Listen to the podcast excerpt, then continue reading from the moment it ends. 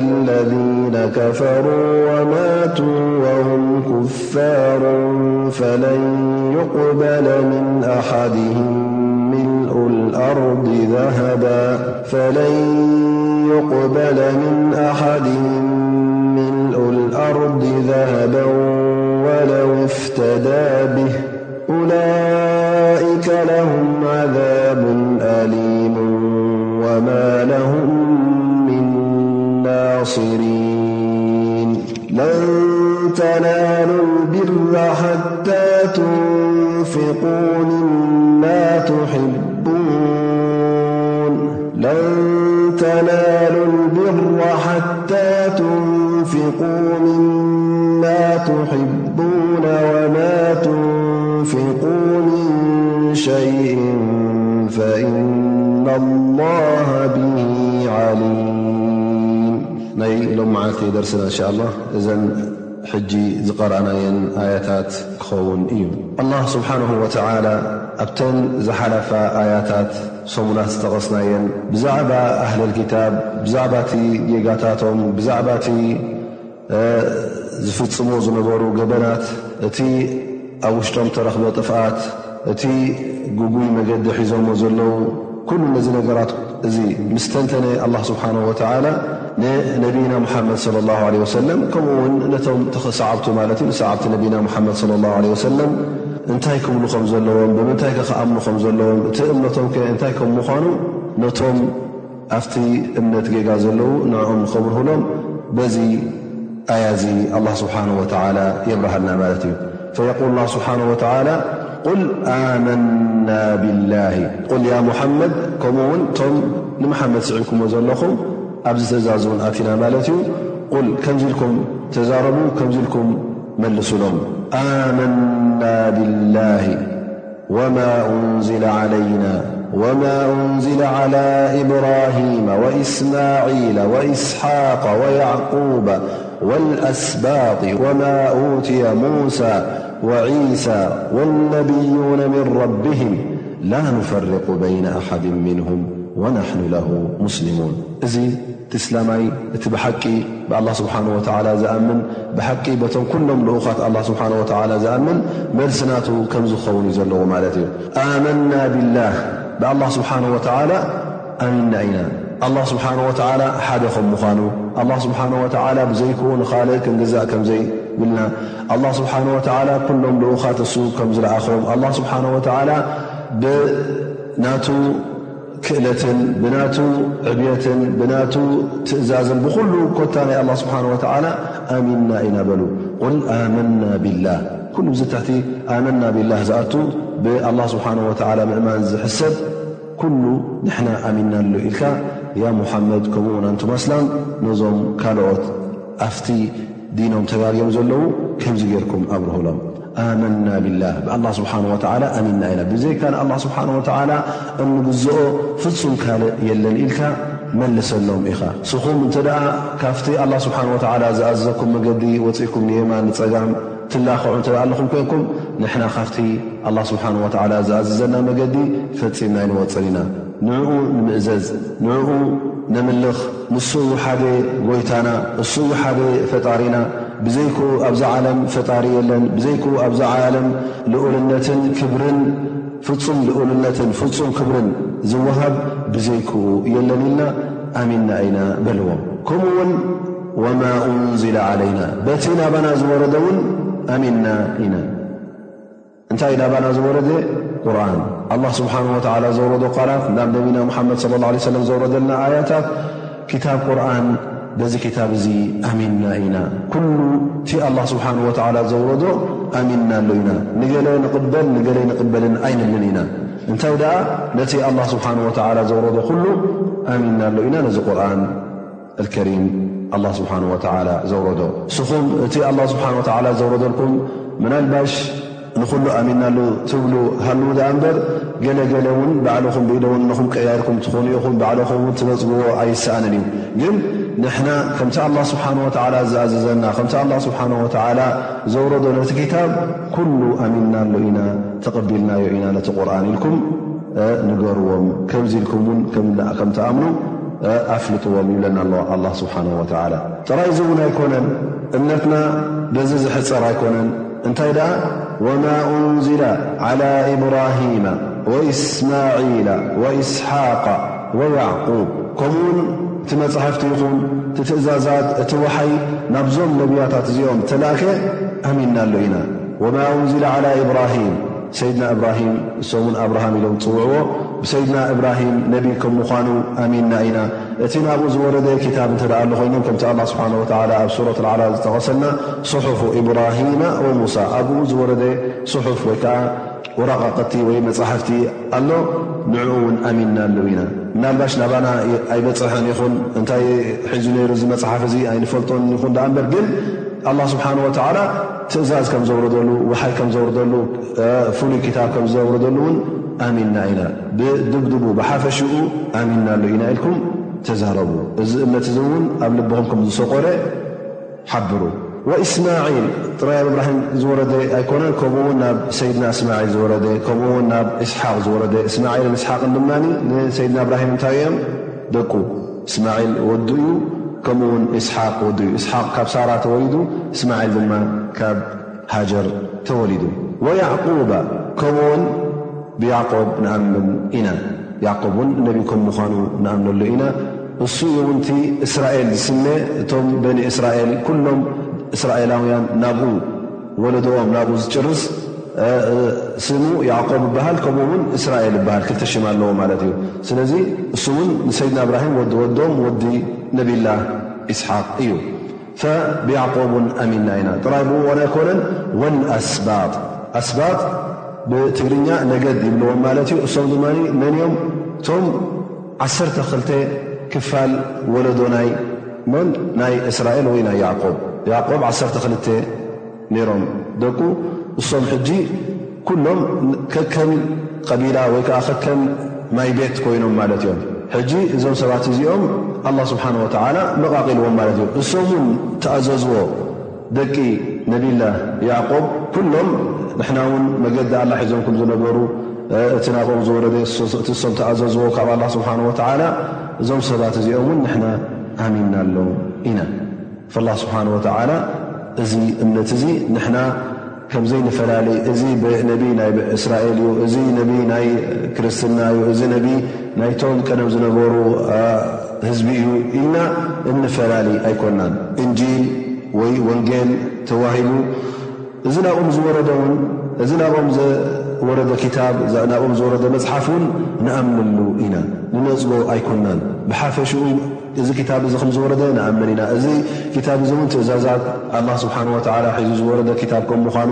እቲ ኣብቲ ግዜኦም ዝነበረ እውን ብኡ ክኣምን ግዴታ ከም ዝነበረ፣ እዚ ክታብ እዚ እውን ንጹህን ጽሩይን ጣህርን ከም ምዃኑ፣ ካብ ኣላህ ስብሓነሁ ወተዓላ ዝወረደ ኩሉ ኼር ዘብኡ ዝሓዘለ ከም ምዃኑ እውን ንኣምን ኢና። ናብ ነቢና ሙሓመድ ናብ ነቢና ሙሳ ይኹን ናብ ነቢና ዒሳ ዝወረደ ንኣምነሉ ኢና ኢልካ ጠቐሱ ኣለዉ። እዚኦም እውን ጥራይ ኣይኮኑን ወነብዩነ ምን ረቢም ኩሎም እቶም ኣንብያ እተዋህቦም ወሓይ እተዋህቦም ክታብ እተዋህቦም ቃል እተዋህቦም ኪዳን እተዋህቦም ኩሉ ኮታ ካብ ኣላ ስብሓን ወተዓላ ዝወሃቦም ዝነበረ ትእዛዛት ኮይኑ ሓበሬታታት ኮይኑ እውን ንሕና ብሓፈሽኡ ንኣምነሉ ኢና ምናልባሽ ገለገለ እንታይ ከም ምዃኑ እቲ ተፍሲላቱ ወይ ከዓ በብሓደ እቲ ጥረ ነገሩ ክንፈልጦን ክንምሃሮን ኣይተኣዘዝናን ወይ ውን ኣይከኣልናን ንኹን ደኣ እምበር ግን ብሓፈሽኡ ንኣምነሉ ኢና ናብቶም ኩሎም ኣንብያ እንታይ እንታይ ከም ዝወረዶ ሕጂ ኣይንፈልጦን ኢና እንታይ ዩ ወሪድዎም እንታይ እቲ ሓላል ነገር ኣብቲ ግዜኦም እንታይ እቲ ሓራም ዝነበረ ኣይንፈልጦን ኢና ግን ኣላ ስብሓን ወተዓላ ከም ዘውረደ ትእዛዛት ንኣምን እቲ ኩሉ ትእዛዛት ሒዞሞ ዝመፁ ውን ካብ ኣላ ምዃኑ ንኣምን እቲ ትእዛዛት እውን ንሰናይ ወዲ ሰብ ከም ምዃኑ ንኣምን እቲ ትእዛዛት ውን ቀንድታቱ ብኣላህ ስብሓን ወተዓላ ክትኣምን ብዘይካ ኣላ ስብሓን ወተዓላ ውን ካልእ ሽርካ የለን ኢልካ ነዚ ሽርካ እዚ ክትነፅግ ከም ዘለካ እዚ ከም ዝሓዘለ ውን ኩሎም ኣንብያ ሓንቲ መልእኽቲ እታ ቀንዲ መልእኽትም ውን ነቲ ሽርካታት ነፅግካ ብሓደ ኣላ ስብሓን ወተዓላ ክትኣምን ከም ዘለካ እዚ ከም ምዃኑ ትቐንዲ ትእዛዝ ካብ ኣላ ስብሓን ወተዓላ ተዋህብዎ ውን ንኣምን ኢና ኢልካ እዚ ትቐሰሎም فالله سبحانه وتعالى وما أوتي موسى وعيسى والنبيون من ربهم كلهمم أنبياء كاب ويتم كب الله سبحانه وتعالى زردم اتوهبهم نحنا نمن لنا بكلهم أءت توهبهم نمنا لا نفرق بين أحد منهم ፈጺምና ውን ኣይንፈላለ በዚ ንኣምን በዚ ንኣምን ኢና እዚ ኢና ንኣምነሉ እዚ ንኣምነሉ ኢና ኣይንብል ኢና ኩሎም ኣንብያ ንኣምነሎም ኢና ኩሎም ብሓደ ዓይኒ ኢና ንሪኦም ብዓይኒ እምነትን ብዓይኒ ተቀባልነትን እንተዘይኮይኑ ብዓይኒ ነፀጌታን ብዓይኒ ፅልእን ኣይንሪኦም ኢና ኩሎም ኣንብያና ካብ ኩሎም ኣንብያ ካብ ኣላ ስብሓን ወተዓላ ዝወረዱ ከም ኣንብያ ናህና ጌርና ኢና ንሪኦም ኩሎም ውን ንኣምነሎም ኢና ኣብ ልብና ኣብ እምነትና ተቐባልነት ኣለዎም ኣብ ዓይንናን ኣብ ኣእምሮናን እውን ክብሪ ኣለዎም ነኽብሮም ኢና ብሰናይ ንጠቕሶም ብሰናይ ንዝክሮም ክንዝክሮም እንከለና እውን እቲ ኣላ ስብሓን ወተዓላ ዝሃቦም ወይ ከዓ እቲ ኣላ ስብሓን ወተዓላ ዝኣተወሎም ቃል ናይ ክብርን ናይ ጀናን እውን ፅበዮም ከም ዘሎ ንኣምን ኢና እዞም ሰባት እዚኦም ምሩፃት ከም ዝነበሩ ኣላ ስብሓን ወተዓላ እዞም ኣንብያ ኩሎም እቶም ብሉፃትን ምሩፃትን ገይሩ ካብ ህዝቢ ዝሓረዮም ከም ምዃኑ ንኣምን ኢና እሶም ውን እቲ ኣላ ስብሓን ወተዓላ ዝኣዘዞም እቲ ኣላ ስብሓን ወተዓላ ኣብ ፅሕዎ ዝበሎም ሓበሬታ እውን ከም ዘብፅሑ ንኣምን ኢና ምኽንያቱ ነቢዝና ሙሓመድ ስለ ላ ለ ወሰለም ኣብዚ ክታብ ቁርን ኮይኑ ኣብቲ ኣሓዲት ናቱ እዞም ዝሓለፉ ኩሎም ኣንብያ ትእዛዝ ኣላ ስብሓን ወተዓላ ዘኽብሩ ከም ዝነበሩ ስለ ዝጠቐሰልና ንሕና እውን መስከርቲ ኢና ንምስክር ኢና ንኣምን ኢና እውን ኣላህ ስብሓን ወተዓላ ኣብዚ ኣያ እዚኣ ሕጂ እቲ ቐንዲ ሓበሬታ ዝብለና ዘሎ ንሕና እቶም ኩሎም ኣንቢያ ንኣምነሎም ከም ምዃንና ነቶም ቅድሜና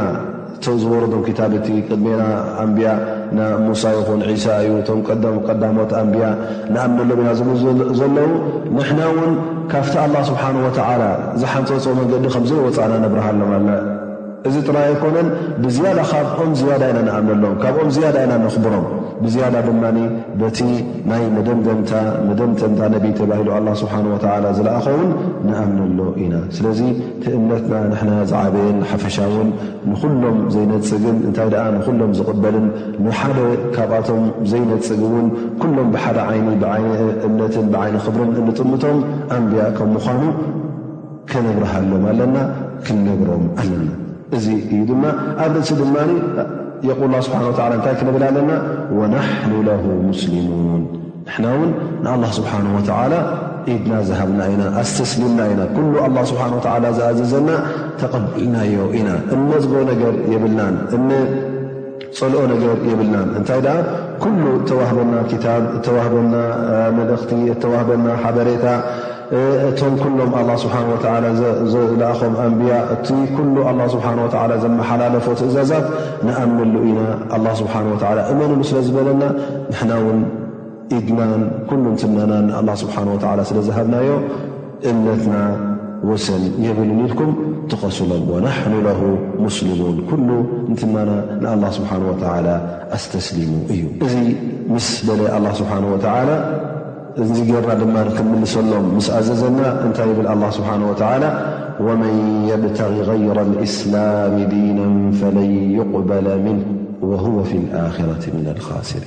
ዝኾነ ይኹን ሰብ ዝኾነ ይኹን ፍጡር ብዘይካ እስልምና ካልእ ሃይማኖት ካልእ መገዲ ክናዲ እንተ ደኣ ተረኺቡ እዚ ሰብ እዚ ኣብ ጥፍኣት እዩ ዘሎ ኣላ ስብሓን ወተዓላ ፈፂሙ ኣይቅበሎን እዩ ኣላ ስብሓን ወተዓላ ዝገበረ እንተገበረ እንተ ደኣ ካብቲ ሓጹር እስልምና ካብቲ ዶብ እስልምና ወጺኡ ኣብ ካልእ እንተ ይኣምን ኮይኑ ወይ ብኻልእ ሃይማኖት እንተ ዝጓዓዝ ኮይኑ ኣላህ ስብሓን ወተዓላ ዝገበረ እንተገበረ ሰናይ ተግባር እውን ኣይክቕበለሉን እዩ ንኣሉ ምኽንያቱ ትቕንዲ ነገር ስለ ዘይተረኸበ ብድሕሪኡ ዝመፅእ ኩሉ ጨንፈር ስለ ዝኾነ እቲ ቐንዲ ስሱር ስለ ዘየለ ትጨናፍር እንተ ትገብር ኮንካ ኣበኻ ሞ እዚ ጨንፈር እዚ ከተልግቦ እቲ ሱር እንተ ዘየለ ኮይኑ እቲ ቐንዲ ዓንዲ እንተ ዘየለ ኮይኑ እቲ እስልምና እንተ ዘየለ ኮይኑ ብድሕሪኡ ዝግበር ሰናይ ተግባራት ኩሉ ትርፊ የብሉን ተቐባልነት እውን የብሉ ወመን የብተቂ غይረ እስላሚ ዲናን ዝኾነ ይኹን ዲን ኣብ ቅድሚ ኣላ ስብሓን ወተዓላ ፈፂምካ ቅቡል ኣይኮነን ዝኾነ ይኹን ሃይማኖት እንተ ከተናዲ ተረኺብካ እዚ ትገብሮ ዘለኻ ተቐባልነት ኣይክረክብን እዩ። ስለዚ እታ ሓንቲ ቅንዕቲ ዲን፣ እታ ሓንቲ ቅንዕቲ ሃይማኖት ብኣላህ ስብሓነሁ ወተዓላ ምእማን ማለት እዩ። እዚ እውን መጀመርያ እቲ እስልምና ዝበሃል ከምቲ ቅድሚ ሕጂ እውን ንጠቕሶ ክልተ ትርጉም ክትህቦ ትኽእል ኢኻ። እቲ ቀዳማይ እቲ ቀንዲ ትርጉሙ እስልምና ክበሃል እንከሎ ንኣላህ ስብሓን ወተዓላ ከተስተስልም ኢድካ ክትህብ ከለኻ እዚ እስትስላም ይበሃል። እቲ ኩሎም ኣንብያ ቅድሚ ሕጂ እውን ጻውዒት ዝገብሩ ዝነበሩ እቲ ዲን ኣልእስላም ዝበሃል ንኣላ ስብሓን ወተዓላ ኢትካ ክትህብ ማለት እዩ ብኣላ ስብሓን ወተዓላ ኣሚንካ ነቲ ኣላ ስብሓን ወተዓላ ዘመሓላለፎ ትእዛዝ ተቐቢልካ በቲ ትእዛዙ ኩሉ ቀጥ ኣቢልካ ክትከይድ ከለኻ እዚ ንገዛእ ርእሱ እስልምና ዝበሃል ማለት እዩ ነቢና እብራሂም ሒዝዎ ዝመፀ ይኹን ኑሕ ሒዝዎ ዝመፀ ይኹን ሙሳ ሒዝዎ ዝመፀ ይኹን ዒሳ ሒዝዎ ዝመፀ ይኹን ከምኡ ውን በዓል እስማዒል ያቁብ ኩሎም እቶም ኣንብያ ኣዩብ እዞም ኩሎም ኣንብያ ዝሓዝዎ ኩሉ ኣብ ምንታይ ይኣቱ ማለት እዩ ኣብ ክል ምስልምና በዚ ሓፈሻዊ ትርጉሙ ማለት እዩ ንኣላ ስብሓን ወተላ እስትስላም ምግባር ኣብ መጨረሻ ድማ እዚ ስም እዚ ንመን ተዋሂቡ ነቲ ነቢና ሙሓመድ ለ ላ ለ ወሰለም ሒዝዎ ዝመፀ እስልምና ዝበሃል ስም ተዋሂብዎ ነዚ ዲን እዚ ወይከዓ ነዚ ሃይማኖት እዚ ማለት እዩ ምኽንያቱ እሱ ዩ ሕጂ እቲ ናይ ብሓቂ እስትስላም ወይ ከዓ ኢትካ ምሃብ ዝበሃል ንኣላ ስብሓን ወተላ ብሓቂ ኢትካ ሂብካ ኣለኻ ክትበሃል ተላኮይንካ ኣብዚ ግዜና ግዴታ ብዚ እስልምና እዚ ክትኣምን ኣለካ እንተ ደኣ ዘይኣመንካ ኣነስ በቲ ንዒሳ ንየሱስ ተዋህበ ብየ ዝኣምን ወይ ከዓ በቲ ንሙሳ ተዋህበ ብየ ዝኣምን እተ ትብል ኣለኻ ብሓቂ ምሉእ ብምሉኡ ኢትካ ንኣላ ስብሓን ወተዓላ ኣይሃብካን ማለት እዩ ምክንያቱ እቲ ነቢና ዒሳ ይኹን ነቢና ሙሳ ይኹን እሶም ንገዛእ ርእሶም ነቢና መሓመድ صለ ላሁ ለ ወሰለም ክመፅእ ከም ምዃኑ ናይ መጨረሻ ናይ መደምደምታ ነቢ ምዃኑ እውን ኣብቲ ክታቦም ኣብቲ ሒዘሞ ዝመፁ ክታብ ኣብ ኦሪት ይኹን ኣብ እንጂል ኣብ ወንጌል ስለ ዝጠቐስዎ እስኻ ነዚ ወገን እዚ ትነፅግ ስለ ዘለኻ እንተ ደኣ ብነቢና መሓመድ صለ ላሁ ለ ወሰለም ዘይኣመንካ እውን እቲ ናይ ብሓቂ እቲ እስልምና ዝበሃልቶም ኩሎም ኣንቢያ ሒዞሞ ዝመፁ እቶም ኩሎም ነብይታት ዘመሓላለፍዎ መልእኽቲ ብሓቂ ኣይተቐበልካዮን ማለት እዩ፣ ብሓቂ እውን ኢድካ ኣይሃብካን ማለት እዩ። ስለዚ እቲ ብሓቂ ኢዱ ሂቡ ንዲን ኣልእስላም ዝበሃል ነቲ ኣላ ስብሓን ወተዓላ ዝደልዮን ዝፈትዎን ኣብ ትሕቲኡ ኣብ ትሕቲ ፅላል ኣላ ስብሓን ወተዓላ ዝነብር ኣብ ትሕቲ ፅላል ትእዛዝ ነቢ ትእዛዝ ኣላ ስብሓን ወተዓላ ዝኸይድ ዘሎ ዝበሃል መን እዩ እቲ መገዲ እስልምና ሒዙ ዝኸይድ ብነቢና ሙሓመድ ሶለ ላሁ ዓለይሂ ወሰለም ዝኣምን እቲ ነቢና ሙሓመድ ሶለ ላሁ ዓለይሂ ወሰለም ሒዞሞ ዝመፁ ትእዛዝን ሒዞሞ ዝመፁ ክታብን ኩሉ ንዑ ቀጥ ኣቢሉ ሒዙ ዝኸይድ እዚ እዩ ብሓቂ መገዲ እስልምናን ንኣላ ስብሓን ወላ ኢዱ ሂቡ ዝበሃል ስለዚ ኣላ ስብሓን ወላ ኣብዚ ኣያ እዚኣ የብርሃና ኣሎ ወመን የብተቂ غይረ እስላሚ ዲናን ፈለን ይቕበለ ምን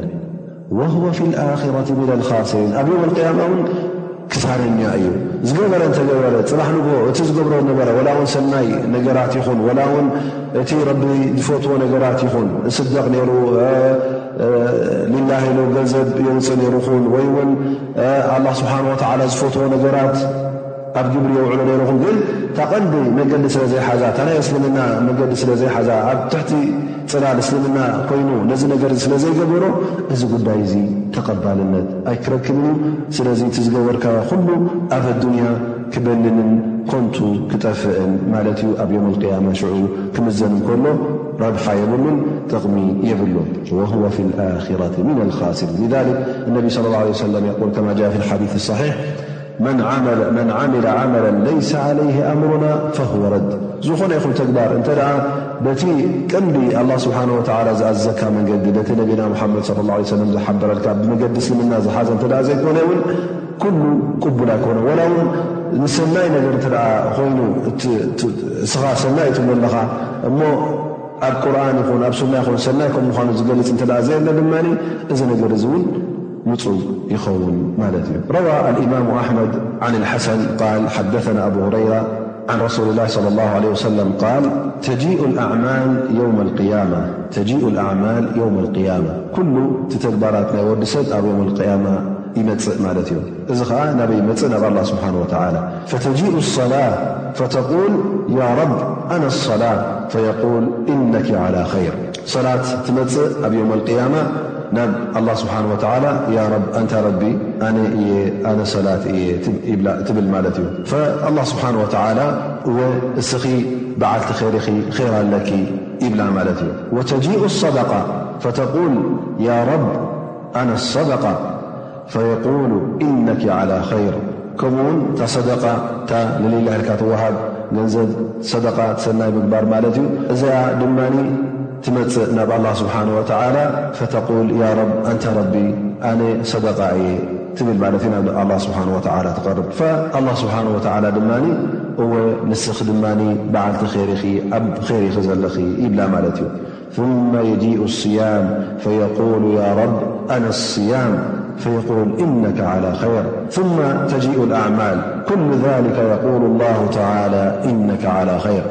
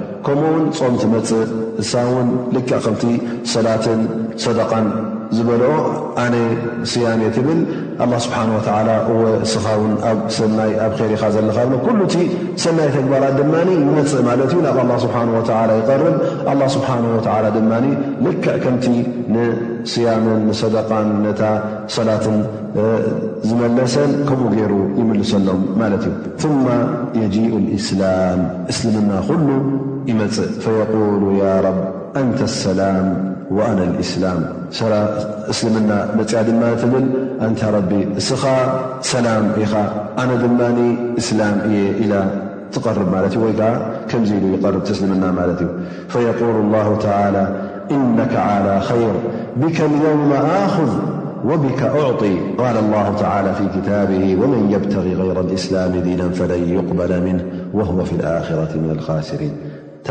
እስልምና ናብ ኣላ ስብሓን ወተላ ምስ መፀት እውን ኣላ ስብሓን ወተላ እነከ ዓላ ኸይር እስኻ ውን ኣብ ኸይር ኢኻ ዘለኻ ብ ሰናይ ኢኻ ዘለኻ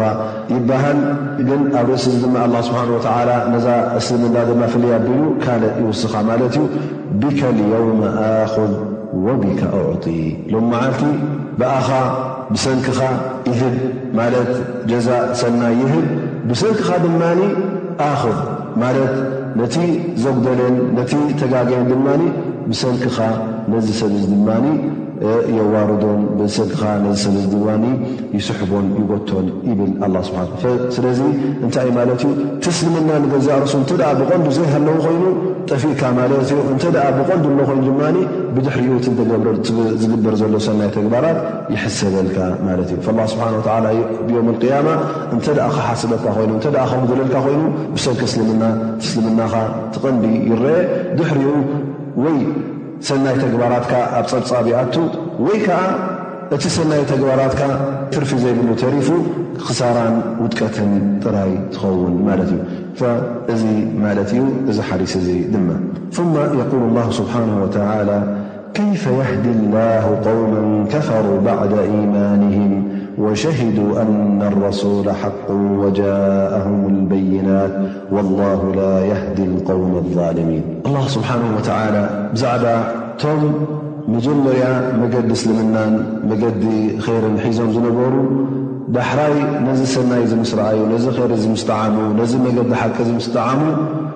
ንድሕሪት ኣድሓድሒሮም ኣብ ክሕደትን ኣብ ኩፍርን እተመልሱ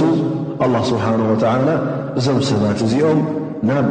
መገዲ ኼር ንኽምለሱ ተስፋ ከም ዘይብሎም ኣላህ ስብሓን ወተዓላ እውን እዞም ሰባት እዚኦም ካብቲ ሒዞሞ ዘለዉ ሕጂ ካብቲ ጥፍኣት ናብቲ ኼር ንኽምለሱ ብጣዕሚ ከቢድን ዘይከውንን ወይ ከዓ ኣላህ ስብሓን ወተዓላ እዚ ጉዳይ እዚ ነዞም ሰባት እዚኦም ከም ዘይውፍቖም የብርሃልካ ኣሎ ማለት እዩ። ከይፈ የህዲ ላሁ ቆውመ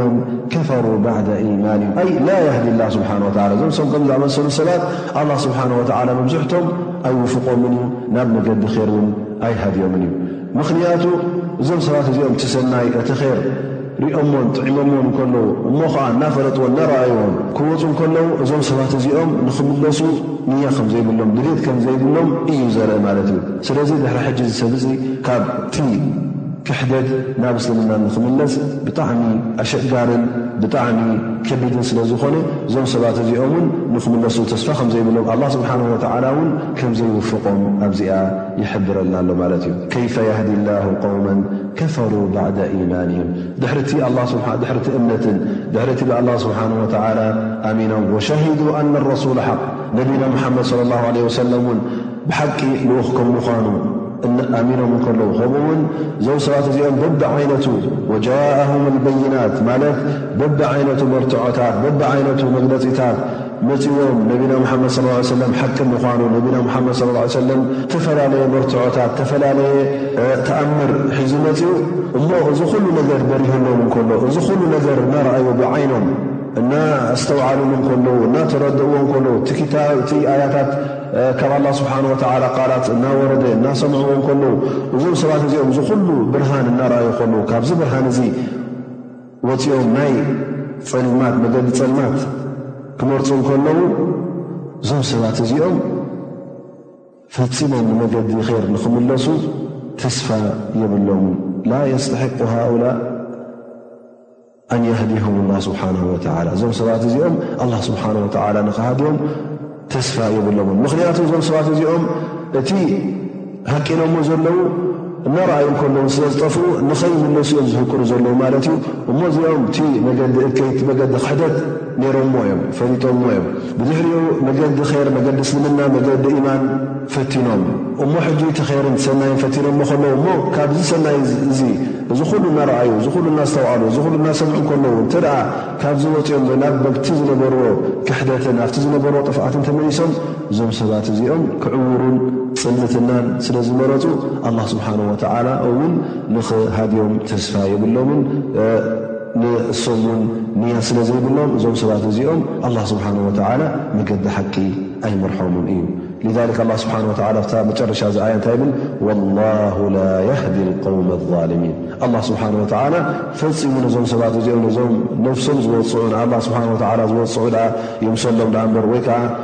ነቶም ኣስላም ዝወጽዑ ይምሰሎም ደኣ እምበር እዞም ሰባት እዚኦም ፈጺሞም ዝወጽዕዎ ሰብ የለን እንታይ ደኣ ነፍሶም እዮም ወጺኦም ዘለዉ ፈላ ስብሓን ወተዓላ ነዞም ነፍሶም ዝወጽዑ ነዞም ወጻዕቲ ነፍሶም ነዞም መገዲ እከይ ዝመረጹ ነዞም ኣብ ክንዲ እስልምና መገዲ ሽርክን መገዲ ክሕደትን ዝመረጹ ሰባት እዚኦም ኣላ ስብሓን ወተዓላ ፈጺሙ መገዲ ሓቅን መገዲ ኸር ኣይመርሖምን እዩ ኣይሃድዮምን እዩ እዞም ሰባት እዚኦም እውን ጽበዮም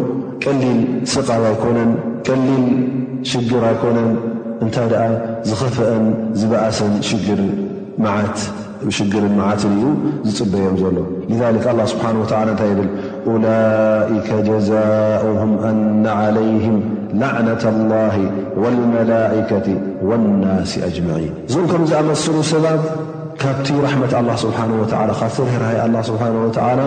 ርሑቓት እዮም ንፁጋት እዮም እሱ ድማ እቲ ካብቲ ራሕመት ኣላ ኩሉ ክበሃል እንከሎ ኣብ ኣዱንያ ዘሎ ራሕመት ርህራሃ ይኹን ኣብ ኣኸራ ዘሎ ብዛዓብኡ እቲ ጀና እውን ይኹን ኩሉ ካብኡ ተሰበቡን ካብኡ ተባረሩን እዮም እዞም ሰባት እዚኦም መርገም ዝወረዶም መርገም ስንቆም እዮም እቲ መርገም ድማ ካብ ሓደ ሸነኽ ኣይኮነን ዝወርዶም ዘሎ ካብ መን ዳኣ ካብ እተፈላለዩ ቀዳማይ ነገር ኡላይካ ጀዛእም እዞም ሰባት እዚኦም እንታይ እዩ እቲ ትርፎም እንታይ እዩ እቲ ሞሳኦም እዞም ሰባት እዚኦም ኣነ ዓለይህም ላዕነትላህ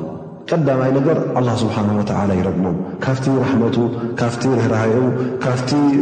ጸግኡ ኣላህ ስብሓነሁ ወተዓላ የባርሮም። ኡላኢከ ኣነ ዓለይህም ላዕነተ ላሂ እሱ ጥራይ እውን ኣይኮነን ወልመላኢካ ከምኡውን መላኢካ ትልዕሎም ነዞም ሰባት እዚኦም ላዕነቱ ላህ ወላዕነቱ መላኢካ እቶም መላኢካ እውን እዞም ሰባት እዚኦም ኣላህ ስብሓነሁ ወተዓላ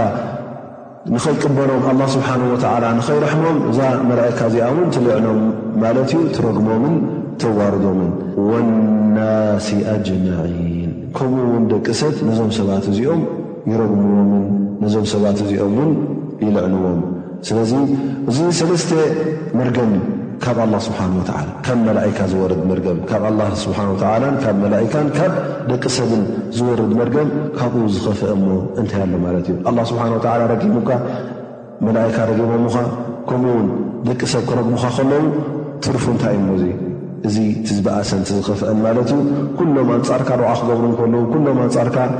ንኣላ ስብሓን ወተላ ድዓ ገይሮም እስኻ ረቢ ኣይወፈቕካ እስኻ ረቢ መገዲ ኸር ኣይትሕዝካ እናኸረትካ ከለካ ተጋጊኻ ኢሎም በዚ ዓይነት እዚ እተ ረጊሞ ምዃን ከመይ ጌርካ ኢኻ ኣላ ስብሓን ወተላ ንመገዲ ሓቂ ብድሕሪ ሕጂ ብድሕሪቲ ዝነበርካዮ ር ነፂግካዮ ዝኸትካ ከመይ ገይሩ ሞ ኣላ ስብሓን ወተላ ክውፍቕካ ኢዘን ፈፂምካ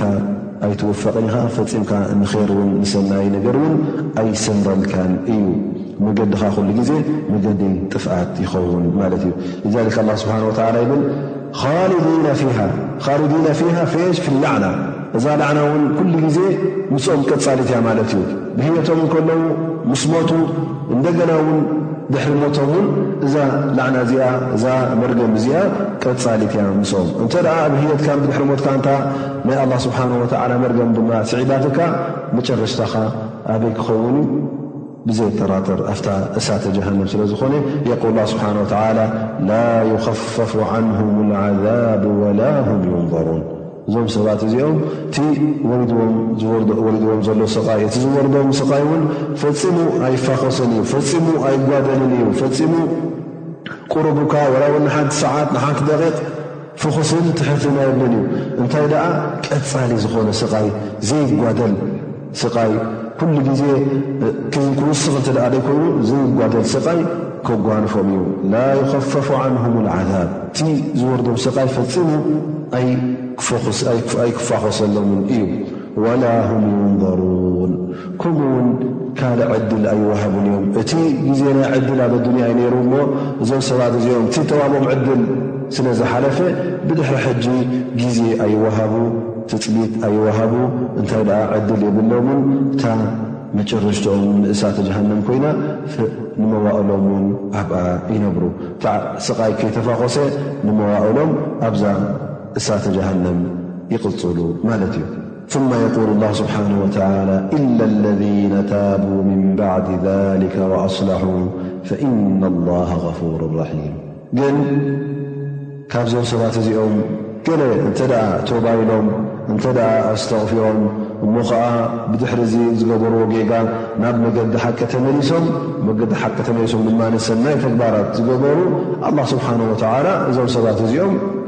ክቕፍረሎም ይኽእል እዩ ክምሕሮም እዩ ማለት ጌና እቲ ናይ ሰዓት ሞት ከይቀረበ ከሎ ከይሞቱ ከለዉ እንተ እዞም ሰባት እዚኦም እቲ ዝተዋህቦም ዕድል ኣብ ኣዱንያ እተ ተጠቒሞምሉ ኣላ ስብሓን ወተላ እውን ክምሕሮም እዩ እዚ ድማ እንታይ ዘርእካ እቲ ናይ ኣላ ስብሓን ወተላ ለዋህነትን ናይ ኣላ ስብሓን ወተላ ርህራሄን እዩ ዘርእካ ኣላ ስብሓን ወተላ ይቆጣዓልካ ደኣ እንበር እቲ ናብ መገዲ ኸር ክትምለስ ተደኣ ደሊኻ እቲ ናይ መቕፊራ እቲ ናይ ተውባ ኣፍ ደገ እውን ኩሉ ግዜ ክፉት ከም ምዃኑ የብርሃልካ ማለት እዩ እዚ መገዲ ተውባ መገዲ ንሳሐ ኣላ ስብሓን ወተላ ከፊትዎ ዘሎ ድማ ካብ ምንታይ ተበገሰ እዩ ካብቲ ራሕመት ላ ስብሓን ወተላ ካብቲ ናይ ኣላ ስብሓን ወተላ ርህራሒን ልዋህነትን ስለ ዝኾነ ኣላ ስብሓን ወተላ ባበል ተውባ ኣፍ ደገ ተውባ ክፊቱልካ ይርከብ ማለት እዩ ስለዚ ቶባ ዝብል እተ ተረኪቡ ግን ኣላ ስብሓን ወተላ እውን ይቕበሎ እዩ ኣይነፅጎን እዩ ላ ስብሓ ላ መጨረሻ ኣያ እለ ለذነ ታቡ ምን ባዕድ ሊካ ብድሕሪ ዝገበሮ ጌጋ ብድሕሪ ዝቲ ጥፍኣት ዝመረፅዎ እሞ እንተ ቶባ ኢሎም ኣስራሑ ባ ኢሎም ድማ ብድሕሪኡ እውን ኣብቲ መገዲ ቅንዕና ኣብቲ መገዲ ር ሰናይ እናገበሩን ፅቡቕ እናገበሩ እተ ከይዶም ኣላ ስብሓን ወላ ይል ፈኢና ላ غፉሩ ራሒም ኣላ ስብሓን ወላ ብጣዕሚ ኣዝዩ መሓርን ኣዝዩ ራህራህን ከም ምዃኑ ኣላ ስብሓን ወላ የብርሃልና ማለት እዩ እዛ ኣያ እዚኣ እታ ዝወረደትላ ብሰንኪ እንታይ የብሉ ገለ ኣብ ግዜ ነቢና ሙሓመድ ለ ላ ለ ሰለም ካነ ረጅሉ ምን ኣንሳር ልሓርስ እብን ስወይድ ዝበሃል ነይሩ ማለት እዩ እዚ ሰብ እዚ ኣስላማይ ነይሩ ኣብ መንገዲ እስልምና ነይሩ ማለት እዩ ዳሕራይ ግን ኣብ መንጎ ኣኳሪፁ ናበይ ይኸይድ ማለት እዩ ነቲ እስልምና ገዲፉ ንመካ ይኸይድ ማለት እዩ ምስቶም ሙሽርኪን ይኸውን ኣብኡ ቅሩብ ዝፀንሐ ግን ይጣዓስ ማለት እዩ ምስ ተጣዓሰ ከመይ ገይረ ክምለሰ ደኣ ኢሉ ይሓስብ ማለት እዩ እንታይ ይገብር ናብቶም ቤተሰቡን ስድርኡን ዘለዎ ኣብ መዲና ናብኦም መለክቲ ይስድብ أنس تطعيس أم نبينا محمد صلى الله عليه وسلم س عل سب ن ب يب لمتله ملت يسد لهم ملت فالله سبحانه وتعالى ذايا يورد كيف يهدي الله قوما كفروا بعد إيمانهم وشهدوا أن الرسول حق وجاءهم البينات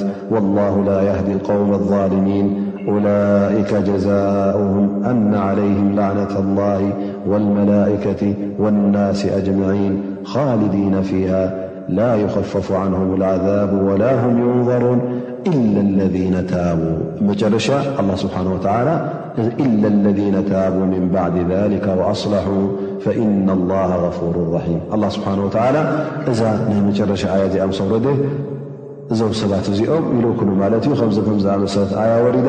ኢሎም እቲ ኣያ ይሰዱሉ እንተ ቶባልካስ ቶባኻ ቅቡል እዩ ኢሎም ምስ ለኣኹሉ እዚ ይምለስ ማለት ከም እንደገና ንመካ ናብ እስልምና ይኣቱ እስልምንኡ ድማ ይቐንዕ ማለት እዩ ይምለስ ማለት እዩ እዚ ግን እንታይ ዘርእየና ዘሎ እቲ መጀመርያ ሕጂ እቲ ኩሉ መጠንቀቕታታት ይኣርእዩካ ግን ቶባ እውን ፍቱሕ ከም ምዃኑ እቲ መገዲ ር ገዲፉ ኣጥዒምዎ እከሎ እ ናይ መገዲ እከይ ውን ፈሊጥዎ እከሎ እተ እናፈለጠ ከሎ እናረኣየን እናሰምዐን እቲ ኩሉ መርትዖታት ምስ በረሃሉ እተ ድሕሪት ተመሊሱ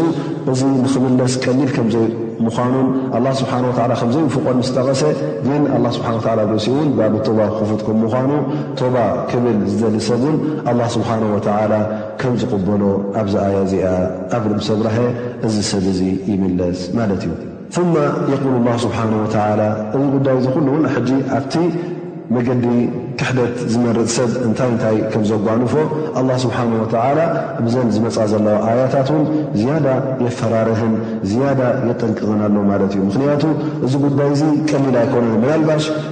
መዓስ ከም ዝመጸካ ሞት ኣይትፈልጥን ኢኻ። እስኻ ኣብ መገዲ እስልምና ኔርካ ካብ እስልምና ወጺእካ ካብ መገዲ ኢማን ወጺእካ መገዲ ክሕደት ክትምለስ እንከለኻ ድሕሪ ሓንቲ መዓልቲ ድሕሪ ሰዓት ድሕሪ ክልተ ሰዓት ድሕሪ ዓመት ድሕሪ ፍርቂ ዓመት ድዩ ዕድሜኻ ዝኣክል ስለ ዘይትፈልጥ ምናልባሽ እውን ክሳዕ እታ ሞት ትኣክል ኣብቲ ዘለኻዮ ጌጋ ትቕጽል ትኸውን እሞ ኣላህ ስብሓን ወተዓላ ብዝያዳ ሕጂ የጠንቅቕ ኣሎ ማለት እዩ ኣብዘን ዝስዕባ ኣያታት እዚ ሰብ እዚ እውን ከመይ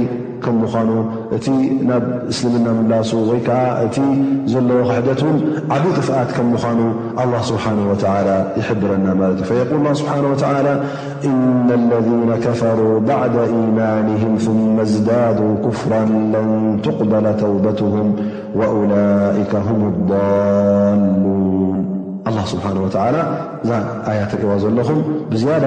እንታይ እያ ትህብ ዘላ ማለት ተጠንቀቓላ ተጠንቀቐና ኣላ ማለት እዩ ብዝያዳ እውን ተህዲድ ትህብ ኣላ ማለት እዩ እዚ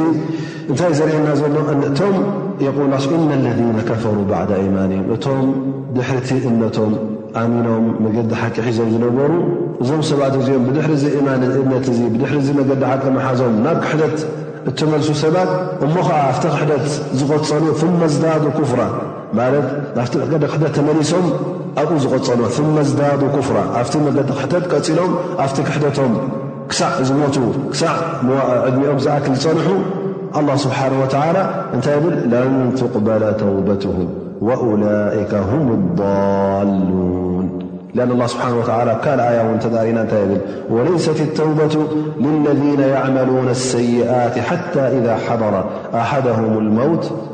ቃለ እኒ ቱብቱ ልኣን እዚ ሰብ እዚ ቶባ የብሉን እተ ሓደ ሰብ ተጋጊው እሞ ከዓ ኣፍስጌጋ ቀፂሉ እናፈለጠ እናሰምዐ እናርኣየን እንከሎ ዳሕራይ እታ ሞት ምስ መፀት እታ ትንፋስ ኣብ ጎረሮ ምስ በፀሐት ኣነ ሕጂ ቶባ ኢለ ክብል እንከሎ ሰብ እዚ ቶባ ቅቡል ኣይኮነን ላ ስብሓ ላ እታይ ኢሉ ለን ትቕበለ ተውበትም እዞም ሰባት እዚኦም ኣብኡ እተ ቀፂሎም ክሳዕ ዝሞቱ ኣላ ስብሓን ወላ ቶብኦም፣ ቶባ ናቶም፣ ንሳሐኤ፣ ንሳሐኦም፣ ኣላህ ስብሓነሁ ወተዓላ ፈጺሙ ኣይቅበሎን እዩ። ምኽንያቱ እታ ግዜ ናይ ቶባ ስለ ተጨረሰት ወይ ብሞት ስለ ተደምደመሎም እዞም ሰባት እዚኦም ኣላህ ስብሓነሁ ወተዓላ ቶብኦም ኣይክቕበሎን እዩ። ገለ ዑለማእ ድማ ኣላህ ስብሓነሁ ወተዓላ የቆል ላ ዩወፊቑሁም ልተውበቲ ኣበደን። እዞም ከም ዝኣመሰሉ ሰባት እውን ኣላ ስብሓን ወተዓላ ቶባ ንኽብሉ ንገዛእ ርእሱ ኣላ ስብሓን ወተዓላ ኣይውፍቆምን እዩ መብዝሕቶም ኣፍታ ክፍራን ለን ትቕበለ ተውበትሁም ወኡላይከ ሁም ዳሉን እዞም ሰባት እዚኦም እዚኦም ሰባት እዚኦም ሶም እዮም ቶም ብሓቂ ጥፉኣት ዝበሃሉ ብሓቂ ካብቲ መገዲ ሓቂ ዝጠፍኡ እዞም ሰባት እዚኣተውዮም ምኽንያቱ እናረኣዩ እናሰምዑ ከለዉ ካብ ጠፍኡ ካብኦም ዝኸፍእ ጥፍኣት የለን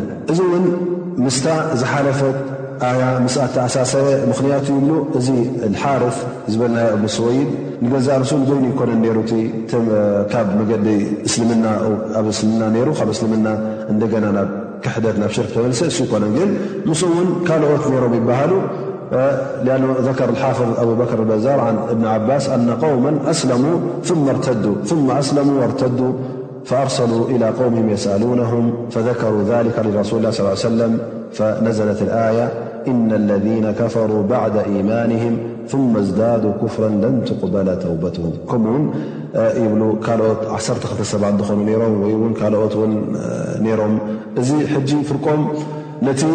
ኣብ እስልምና ምእታውን ምውፃእን እውን ከም ፀወታ ዝወሰድዎ ነይሮም ማለት እዩ። ይኣምኑ ይመፁ፣ ይኣምኑ ይኽሕዱ፣ ይኣምኑ ይኽሕዱ። እዞም ሰባት እዚኦም ሕጂ ናይ ብሓቂ እቲ እምነት ስለ ዘይብሎም ኩሉ ግዜ ብቀሊል ነገር ይዕሸው ስለ ዘለዉ እቲ እምነት ዝነበርዎ ውን ሓቂ ናይ ብሓቂ እምነት ከም ዘይኮነ ዘርኢ ወላ ውን ብድሕሪ ሕጂ ውን ንክኣምኑ ተስፋ ስለ ዘይብሎም ኣላ ስብሓን ወተላ እዞም ሰባት እዚኦም ናብ ተውባን ናብ መገዲ ሓቅን ውን ኣላ ስብሓን ወተላ ከም ዘይውፍቆም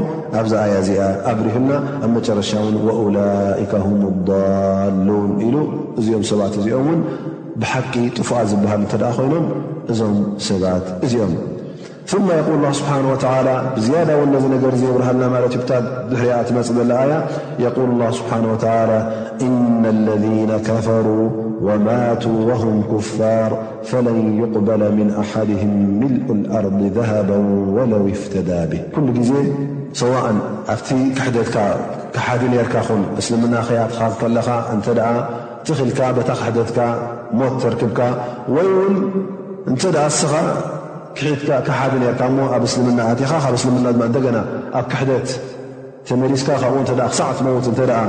ኣብ ክሕደት ቀፂልካ እታ ናይ ክንደይ ዓመታት ዝነበርካያ እስልምና እውን ኩላ ኣበላሽኻያ ማለት እዩ ስለዚ እንታይ ኮይኑ ማለት እዩ ኩሉ እቲ ዕድሜኻ ኣብ ክሕደት ከም ዝጠፍአ እዩ ዝቁፅር ላ ስብሓ እና ለذ ከፈሩ ወማቱ ወም ኩፋር እዞም ሰባት እዚኦም እዞም ዝኸሓዱ እሞ ኸኣ በዛ ክሕደቶም እዚኣ እናቐጸሉ እንከለዉ ኣብ ክሕደት ዝሞቱ ሰባት ኣላ ስብሓን ወተዓላ እንታይ ይብል ፈለን ይቕበለ ምን ኣሓድህም ምልኡ ልኣርض ዛሃበ ወለው ይፍተዳ ብህ እዚ ሰብ እዙ ኣላ ስብሓን ወተዓላ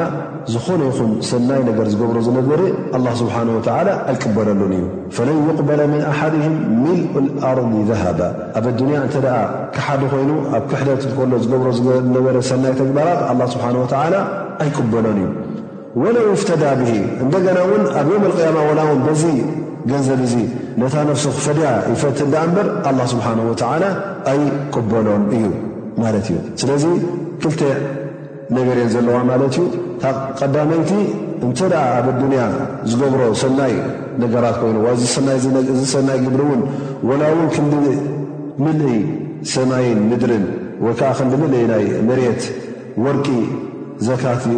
ሰደቓ ኢሉ ይሃብ ደኣ እምበር እዚ ሰብ እዚ እዚ ዘውፅኦ ንገፀ በረከት ኢሉ ንኸይር ኢሉ ዘውፅኦ ዝሓሰቦ ኣላ ስብሓን ወተዓላ ኣይቅበለሉን እዩ ምክንያቱ ከምታ ዝበልናያ ኣብ እስልምና ኮይኑ ክቕርቦ ኣለዎ ዳኣ እምበር እንተ ኣብ ክሕደት ኣብ ፅላል ክሕደት ኣሎ ኮይኑ እቲ ዝገብሮ ዘሎ ኩሉ ሰናይ ተግባራት ተቐባልነት ከም ዘይብሉ እዩ ዝጠቕሰልና ዳሕራይ እታ ኣያ ውን ወለው ይፍተዳ ብሂ ትብል ኣላ ድማ እዚ ውን ኣብ ዮም ኣልቅያማ እዩ ዝብል ዘሎ ሰዋን ኣብ ኣዱንያን ኣብ ዮም ኣልቅያማ ውን እንተ እዚ ከምዝኣመሰለ ንብረት ኣለዎ እሞኒ ብኡ ገይሩ ነታ ነፍሱ ክፈድያ ነታ ነፍሱ ናፃ ከውፅኣ እተ ፍትን ኮይኑ እውን ኣላ ስብሓን ወተላ ኣይቀበለሉ ኣኖ ከማ ረውያ ን ነቢ ስ ሰለም ሱኢላ ን መን ን ዓብድላህ ብኒ ጀድዓን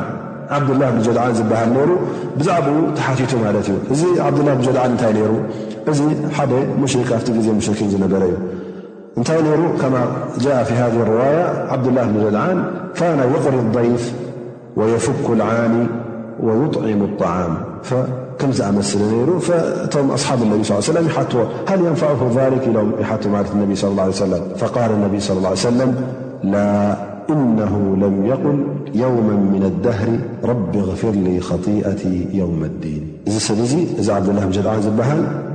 ውሩይ ሰብ እዩ ሩ ፍሉጥ ሰብ እዩ ነይሩ ጋሻ ክመፅእ እንተ ደኣ ኮይኑ ንጋሻ ይቕበል ንጋሻ ይዕንግል ወየፍኩል ዓኒ ተኣሰረ ሰብ እንተ ደኣ ኣሎ ኮይኑ ብገለ ሽግር ብገንዘቡ ፈጅዩ ነዚ እሱር ይኹን የውፅኦ ነይሩ ማለት እዩ ወዩጥዒሙ ኣጣዓም ነቶም ዘይረኸቡ ነቶም መሳኪን ነቶም ገለ ድማ የብልዕ የስቲ ነይሩ ማለት እዩ ከም ዝኣመሰለ ኼር ይገብር ነይሩ እሞ እዚ ሰብ እዚ ያ ረሱላ ላ ጠቕሙዶ ዝተግባር እዚ ኢሎም ይሓቶ ምክንያቱ ፍቲ ግዜ እቲ ፍቲ ግዜ ሙሽርኪን እዚ ነገር እዛ ትገብር ከለካ ዓብይ ሰቢካ ትቁፀር ነርካ ዓብ ክብሪ ድማ ትረክብ ነርካ እዚ እውን ወላ እውን ኣብ እስልምና ኮንካ እተ ክትገብሮ ኮንካ ፅቡቕ እዩ ማለት እዩ ሰናይ ተግባር እዩ ኣላ ስብሓን ወተላ ዝፈትዎ እዩ ጋሻ ከተብልዕ፣ ንድኻ ከተብልዕ፣ ንተሸገረ ሰብ ብማእሰርቲ ይኹን ብካልእ ዓይነት ሽግር ንዕኡ ብሰናይ ብገንዘብካ ኮይኑ ብገለ ኮይኑ ነዚ ሰብ እዚ እንተ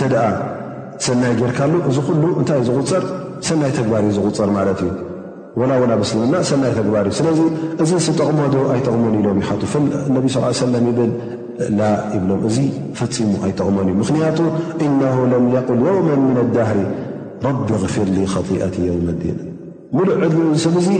ወላ ሓንቲ መዓልቲ ማለት ንረቢ ዘኪሩ ኣይፈልጥን እዩ ኣንታ ረቢ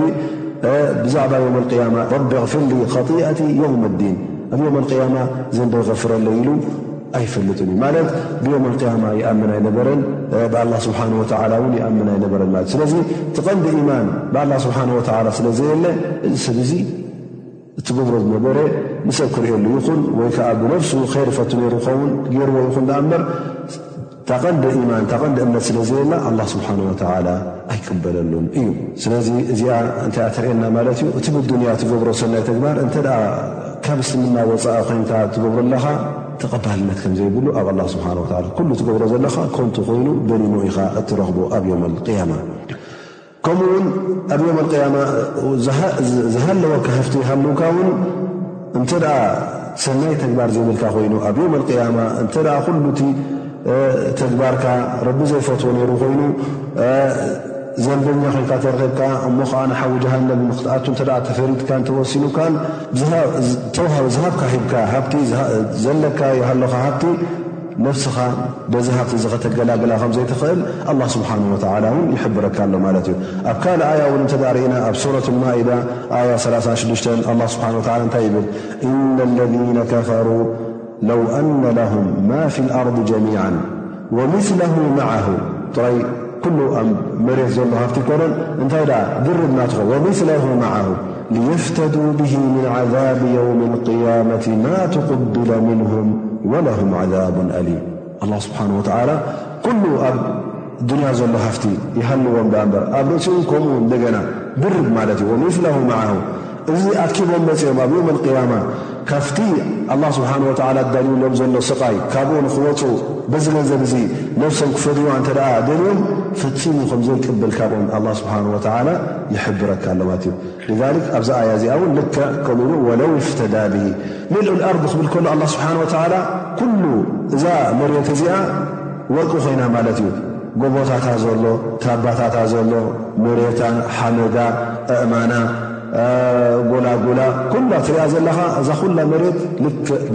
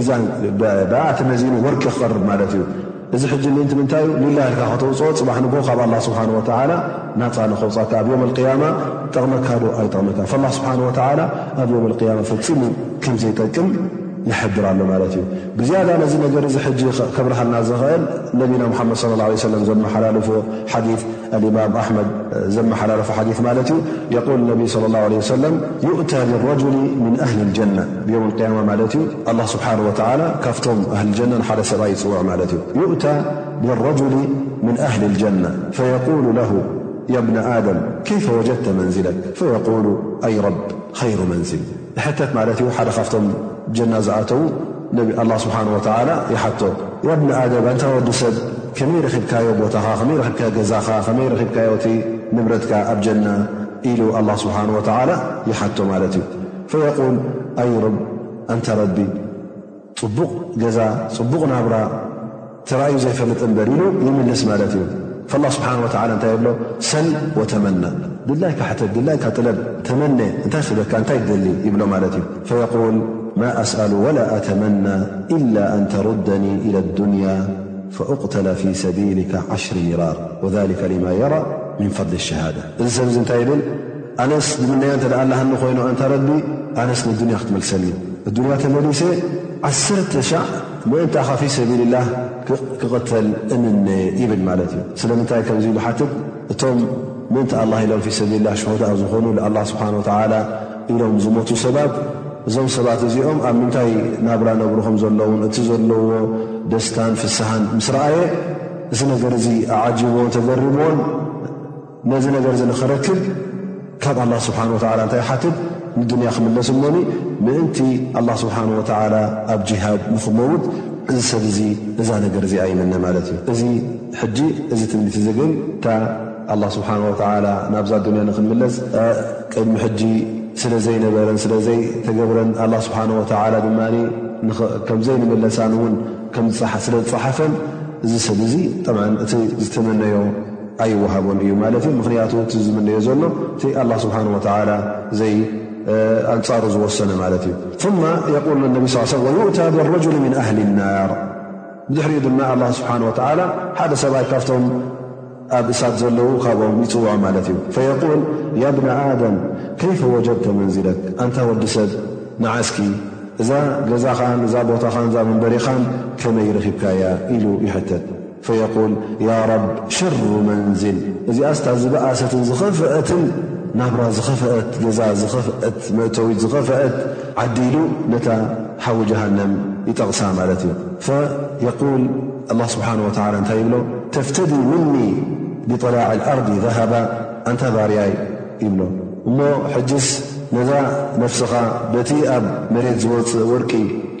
ብኡዶ ትፈድያ ኢሉ ይሓቶ ማለት እዩ ብኡዶ ትፍደያ ማለት እስኻ ናብኡ ክትወፅእ እሞ እስኻ እቲ ኣብ መሬት ዘሎ ኩሉ ወርቅታት ከተምፃለይ ኣነ ድማ ናፃ ክብለካ ካብ ዝሓዊ ጀሃንም ማለት እዩ ፈየቁል ኣይ ረቢ ንዓም እወ ይብል ማለት እዩ ኣነ ምፃልካ ኩሉ እዛ ነብሰይ ጥራይ ካብ ዝሓዊ ጀሃንም ናፃ በላ ዳ እምበር ላ ስብሓን ወተላ እንታይ ይብሎ ፈየቁሉ ከዘብት ሓሲኻ ኢኻ ስለምንታይ የል ቀድ ሰኣልቱክ ኣቀላ ምን ሊከ ወኣይሰር ፈለም ተፍዓል ፈዩረዱ ኢለ ናር ኣነ ኣብ ኣዱንያ ከለኻ ካብዚ ዝወሓደን ዝቐለለን ዝፈኾሰን ሓቲተካ ወርቂ ምፃለይ ኣይብልኩኻ ወላ ክንዲ መሬት ወላ ክንዲ ፍርቂ መሬት ወላ እውን እቲ ካብ መሬት ዝወፅእ ወርቂ ወላ እውን ገለ እዚ ኩሉ ሓተትኩኻን ካብኡ ዝፍኩስን ዝቐልልን ነይሩ ግን ኣይገበርካን እሞ ሕጂ እውን ካብኡ ዝኸብድን ካብኡ ዝለዓለን ካብኡ ዝኸፍዐን ካብኡ ዘሸግርን ነገር ነዚ ክገብር እየ ክትብል ከለኻ ሓሳወ ኢኻ ምን ክኣምነካ ኢላ ን ቅድሚ ሕጂ ዕድል ተዋሂጉ ካብቲ ዕድልካ ድማ ዝፈኮሰን ዝቐለለን እዩ ነይሩ ትሕቶ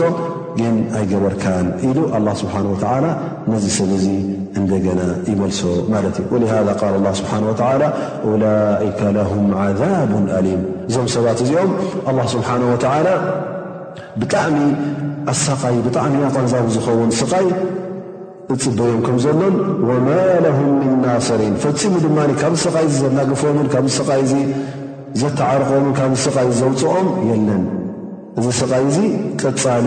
ንመዋእሎም ዝነብርዎዩ ደኣ እምበር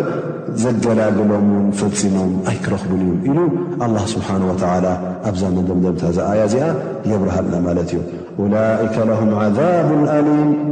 ወማ ለሁም ምን ናስሪን ፈጺሙ ነዞም ሰባት እዚኦምን ዝድግፎምን ዘገላግሎምን የብሎምን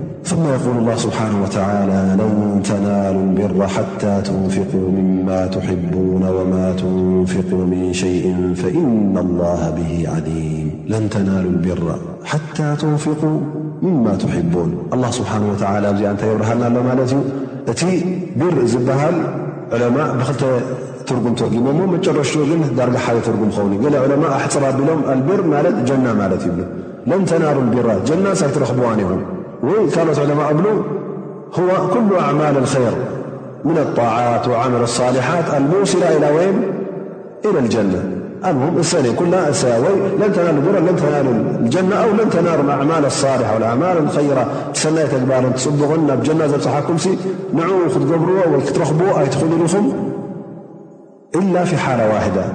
መታ ሓታ ትንፍቁ ምማ ትሕቡን ኣላ ስብሓን ወተዓላ ሕጂ እንታይ ዘርእካ ዘሎ እቲ እትፈትዎ ነገር ኣየናይ ከም ምዃኑ እሞ ኸዓ ነየናይ ኢኻ ኣዚኻ ብዝያዳ ትፈትዎ የብርሃልካ ኣሎ ማለት እዩ ነቲ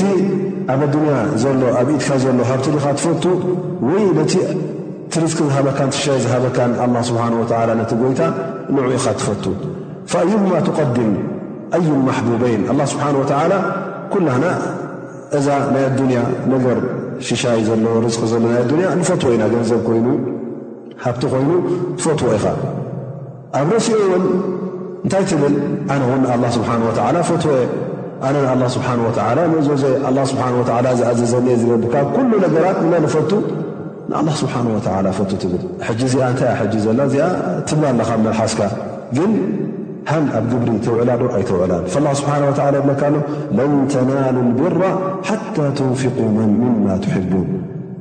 ብሓቂ ንኣላ ስብሓን ወተላ ትፈትዎ እንተ ደኣ ኮንካ ከመይ ርካ ተርኢ ማለት እዩ እቲ ኣዚኻ ትፈትዎም ዝዱንያ ንልላህ ኢልካ ክተቕርቦም ከለኻ ንኣላ ስብሓን ወተላ ትፈትዎ ኣለኻ ማለት እዩ ምኽንያቱ እቲ እንታይ ኢኻ ትርኢ ዘለኻ ኣነስ ካብቲ ኩሉ ሃፍቲ ካብቲ ኩሉ ዝተዋህበኒ ዝፈትዎ ሃፍትታት ብዝያዳ ንኣላ ስብሓን ወተዓላ ስለ ዝፈትዎ እዚ ነገር እዚ ንሊላህ ኢለ ኣውፅኤዮ ኣለኹ ንሊላህ ኢለ ሂበዮ ኣለኹ ክትብል ከለኻ እዚ ሕጂ ቀደምታ ኣልማሕቡብ ኣልኣዕም ዓላ ልማሕቡብ ኣድና ኣይናይ እቲ ትሑት ፍቶት ዘለካ ነየናይ እዩ እቲ ትሑት ፍቶት ዘለካ ነየናይ እዩ ከቲ ክቡር ወይ ከዓ ልኡል ፍቶት ዘለካ ከተርኢኻ ማለት እዩ እቲ ክቡር ፍቶት ንኣላህ ድዩ ወይስ ነቲ ናይ ኣዱንያ ሃብቲ ኣብዚ ይበርህ ማለት እዩ እዛ ነገር እዚኣ እውን ኣብ ግዜ ነቢና ሙሓመድ ስለ ላሁ ለ ወሰለም ኣቡ ጣልሓ ዝበሃል ነይሩ ኣቡ ጣልሓ ኣልኣንሳሪ እዚ ሰብ እዚ ካብቶም ኣብ መዲና ዝነበሩ ሃብታማት እዩ ነይሩ ማለት እዩ እዛ ኣያ እዚኣ ምስ ወረደት ናብ ነቢና ሙሓመድ صለ ላሁ ዓለ ወሰለም ይኸይድ ማለት እዩ እዚ ሰብ እዙ ኣነስ ያ ረሱላ ላህ ገንዘብ ብዙሕ ገንዘብ ኣለን ኣልሓምዱላ ረቢ ሂቡኒ እዩ እዛ ኣያ እዚኣ ድማ ሰሚዐ ለን ተናሉ ልቢራ ሓታ ትንፍቁ ምማ ትሕቡን ኣነ ድማ እታ ዝፈትዋ ማለይ እታ ዝፈትዋ ገንዘበይ ድማ በይሩሓእ ትበሃል ጃርዲን ኔራቶ ማለት እዩ በቲ ቅብላ ወገን ናይ መስጊድ ሓታ ነቢና ሙሓመድ ስ ላ ሰለም ናብኣ ከይዱ ማይ ይሰቲ ነይሩ ጥዑም ማይ ስለ ዝነበራ ካብኣ ማይ ይሰቲ ነይሩ ማለት እዩ እዚኣ ሕጂ እታ ዝፈትዋን ደስ ትብሎን ገንዘብ እያ ራ ማለት እዩ ምክንያቱ ፅቡቕ ማይ ነርዋ ጥዑም ማይ ነርዋ ኣታክልቲ ኣ ዝበቁል ፅብቕቲ ጃርዲን እያ ራ ማለት እዩ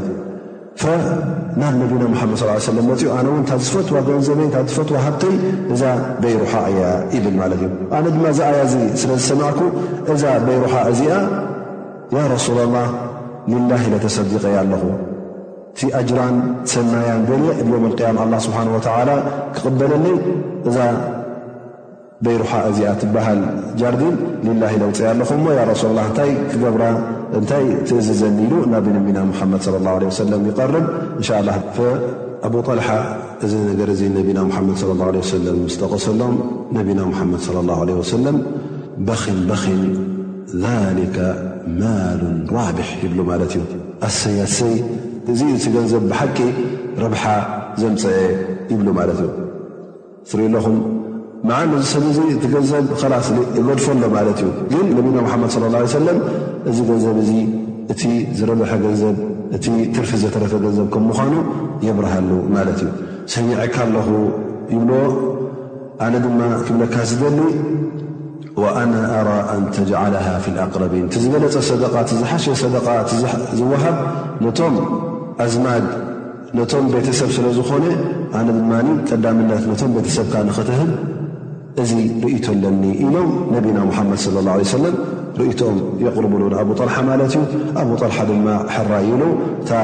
ቦታ ንመን ይመቕላ ማለት እዩ ነቶም ደቂ ሓውቦኡን ነቶም ኣዝማዱን ንዕኦም መቓቒሉ ይህብ ማለት እዩ እዚ ሕጂ እንታይ የርእየና እትለ ግዜ ነቢና መሓመድ ስለ ላሁ ዓለ ወሰለም እዞም ሰባት እዚኦም ኣብቲ ዋሕዲ ገንዘብ ዝነበረሉ እዋን ኣብቲ ድኽነት ዝነበረሉ እዋን ካብቲ ዘፍቅርዎን ዝፈትዎን ዝነበሩ ገንዘብ ካብኡ የውፅኡ ከም ዝነበሩ የብርሃልና ማለት እዩ ኣብ እዚ እውን ጥራይ ኣይኮነ ብዛዕባ ሰይድና ዑመር ብን ጣብ እውን ዝመፀ ኣሎ ማለት እዩ ዑመር ብን ጣብ እውን ናብ ነቢና ሙሓመድ ለ ላ ወሰለም ይመፅእ ፈየቁል ያ ረሱላ ላህ ለም ኡሲብ ማለን ቐጥ ሁወ ኣንፈሱ ዕንዲ ምን ሳህሚ ለዚ ሁወ ብኸይበር ኣነስ ያ ረሱላ ላህ ፈጺመ ክቡር ገንዘብ ወይ ልኡል ገንዘብ ወይ ጽቡቕ ገንዘብ ጽቡቕ ማል መጺእኒ ይፈልጥን እዩ እቲ ዝበለጸ ገንዘብ ዝመጽእኒ ኣበይ እዩ ኣብ ኸይበር ተዋህበኒ ዕድል ማለት እዩ ኸይበር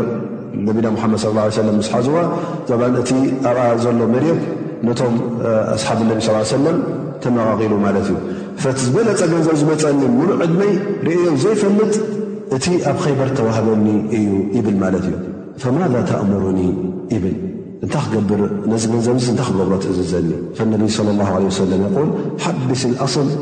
ወሰቢል ተመራ እዚ ወቕፍ ግበራ ማለት እዩ እዚ ከዓ እቲ ቀንዲ ማል ኩሉ ንሌላ ኢልካ ዕገቶ ንሌላ ኢልካ ሓዞ እቲ ኩሉ ዝወፅእ ድማ እቲ ሃብቲ እቲ ፍርያት እተውፅኦ ድማ ኩሉ ግዜ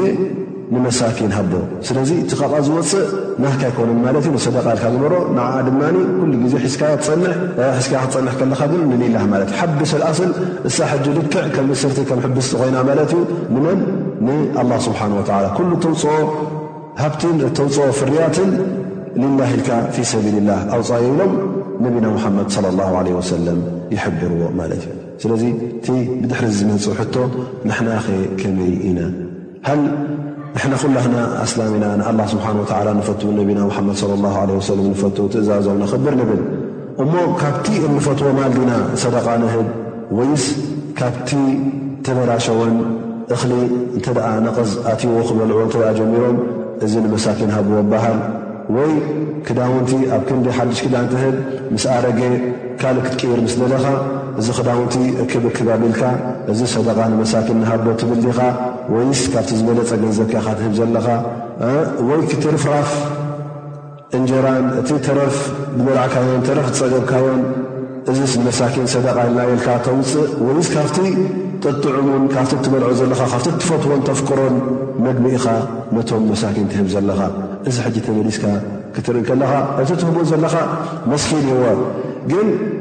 ንመን ኢልካ ኢኻ ትህብ ዘለኻ ንዑ ክትርኢ ኣለካ እታ ተቕርባ ዘለኻ ክዳን እታ ተቕርባ ዘለኻ ገንዘብ እታ ተቕርባ ዘለኻ ማል እታ ተቕርባ ዘለኻ ጥሪት ውን ትኹን ጠለበጊዕ ትኹን እንተ ሊላህካ ክተውፅኣ ኮንካ ካብተን እታ ድሓንከሰት እታ ዝዓወረት እታ ዝብኢ ዝኾለሰላ ዝብኢ ዘጉደለላ ንዓ ዲኻ ሊላህካ ትሓርድ ዘለኻ ወይስ ካብተን ፅቡቓትን ስቡሓትን ዝኾና ማልካ ኢኻ ትሓርድ እቲ ትህቦ ዘለኻ እዎ ትመስኪን ግን ንሊላህ ኢልካ ተቕርቦ ዘለኻ እሞ ኣየሕፍረካ እንዲ ቁሩብ እዚ ማለ እዚ ንሊላህ ኢልካ ክተቕርቦ እዚ ዝነቐዘ እኽሊ ኮይኑ ወይ እውን ተረፋረፈ እንጀራ ወይ ስኻ ክትበልዑኻ ወይ ንጉሓፍ ኢልካ ዝተረፈ ኣብ ክንዲ ንጉሓፍ ዝኸይድሲ ንመስኪን ንሃቦ ኣብ ክንዲ ንጉሓፍ ዚ ንሊላህ ንበሎ ኢልካ ክትብል ከለኻ ሕጂ እዚ ንዓኻ ከሕፍረካ ኣለዎ ማለት እዩ ስለዚ እቲ ተውፅኦ ዘለኻ ገንዘብ ልክዕ ንኣላ ስብሓን ወላ ተቕርቦ ከም ዘለኻ ክርድኣካ ኣለዎ እሞ ንኣላ ስብሓን ወላ ዝቕርብሲ እቲ ተበላሸወን እቲ ሕሕማቕን እቲ ዘይትፈትዎን እቲ ዘይትቐርቦን ድዩ ወይስ ትሰናይ ዝኾነ ትስኻ ትፈትዎን እቲ ደልዮን ስለዚ ሕጂ እንታይ ዘርእካ ዘሎ ካብ ኣላ ስብሓን ወላ ብዝያዳ ነታ ነፍስኻን ነቲ ንብረትካን ከም ትፈቱ እንተ ደኣ ንኣላ ትፈቱ ኮይንካ ካብቲ ዝበለጸ ገንዘብካን ካብቲ መምቁሩን ካብቲ ጸጽቡቑን ካብቲ በብልጹን ካብቲ ሓሓድሹን ምሃብካ ነርካ ግን እቲ ንጉሓፍ ዝወሃብን እቲ ንሊላህ ካተውፅኦን ክልቲኡ ሓደ ክኸውን ከሎ እዚ ሕጂ ብጣዕሚ ኣስጋእን ብጣዕሚ ሓደገኛን ከም ምዃኑ እዛ ኣያ እዚኣ ተብርሃልና ኣላ ግን ኣላ ስብሓን ወተዓላ እውን በዓል ራሕማ ስለ ዝኾነ የቁል ላ ስብሓን ወተላ ወማ ትንፍቁ ምን ሸይእ ፈኢና ላሃ ብሂ ዓሊም ኣላ ስብሓን ወተላ ዝኾነ ይኹን ይብዛሕ ይሓብ ምናልባሽ ሓደ ሓደ ግዜ ካብቲ ተፍቅሮ ገንዘብ ካብቲ ትፈትዎን ኣይክኹን ዳኣ እንበር ግን ጥቕሚ ዘለዎ ነገር ክተውፅ ከለኻ ውን ኣላ ስብሓን ወተላ ከምዘይርስዖ ዩ ዘርእካ ዘሎ ወማ ትንፍቁ ምን ሸይ ዝኾነ ይኹን ወላ ውን ንእሽተይ ነገር ይኹን ይብዛሕ ይሓድ ንሊላህ ኢልኩም ተውፅዎ ዘለኹም ኣላ ስብሓን ወተዓላ ፈልጦ እዩ ኣየና እዩ እቲ ልብኻ ነፂሁን እቲ ኣጅሪ ደሊኻን እቲ ሰናይ ደሊኻን ተውፅኦ ዘለኻ ንሊላህ ኢልካ ተውፅኦ ዘለኻ ኣላ ስብሓን ወተዓላ ይፈልጦ እዩ ዝሕብኦ ኣይኮነን ታንያኻ እንታይ ከም ዝነበረት ኣላ ስብሓን ወተዓላ ፈልጣ እዩ እታ ክብሪ ናይዛ ማል ዘውፃእካያ ክንደይ ከም ምዃና ኣላ ስብሓን ወተዓላ ይፈልጣ እዩ ካብኡ ዝሕባእ የለን ግዴታ እውን ኩሉ ግዜ ኣላህ ስብሓን ወተዓላ እንተዘየሎ እቲ ካብቲ ክቡር ገንዘብካን ካብቲ ብሉፅ ተዘየውፃእካ ኣይቅበለልካን እውን ኣይብለልካን እዩ ግን ኩሉ ግዜ ትሑት እተ ተውፅእ ኮንካ እቲ ኣጆ እውን ትሑት ክኸውን ማለት እዩ እንተ ብሓቂ ኢማን ኣሎ ኮይኑ ድማ እቲ ኢማንካ ውን ዝደንፍዐ ኢማን ዝዓበየ ኢማን ዝበርትዐን ዝሓየለ እተ ኮይኑ ድማ ኣብቲ ኢንፋቅ ትቦ ዘለካ ኣብቲ ተውፅኦ ዘለካ ወጪ ኣላ ስብሓን ወተላ ኣብኡ ክርዮዩ እቲ ኢማንካ ማለት እዩ እስኻ እውን ኣብኡ ክትመዝገለካ